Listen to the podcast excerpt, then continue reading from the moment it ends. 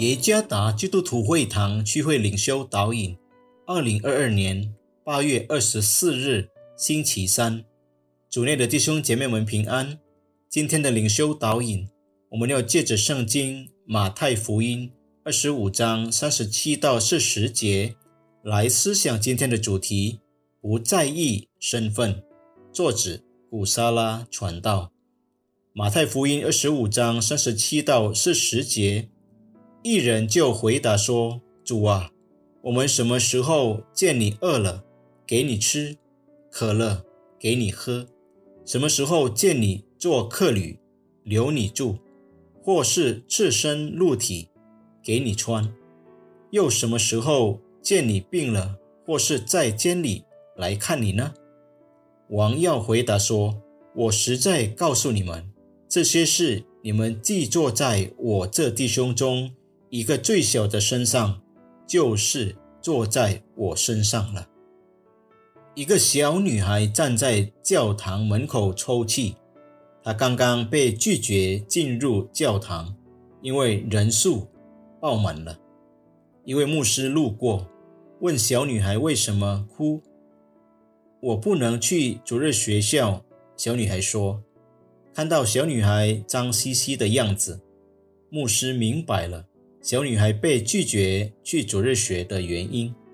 小女孩被她的心情所感动。临睡前总是想起其他和她一样命运的可怜孩子。两年后，小女孩死了。葬礼结束后，她的父母发现了一个破旧的钱包，里面装着五十七美分，还有一张。小女孩手写的纸条上面写着：“这笔钱是用来帮助一座小教堂扩建成为大教堂，让更多的孩子能来主日学。”名叫 Hedy May Wade 的女孩是费城圣殿浸信会教堂建设的先驱。该教堂可容纳三千三百人。看到人有基督徒因外貌、地位或家庭经济状况来接待他人，这是多么可悲！事实上，主耶稣在马太福音二十五章三十七到四十节强调：凡谦卑服侍、帮助和接待弱者的人，都是为神而做的。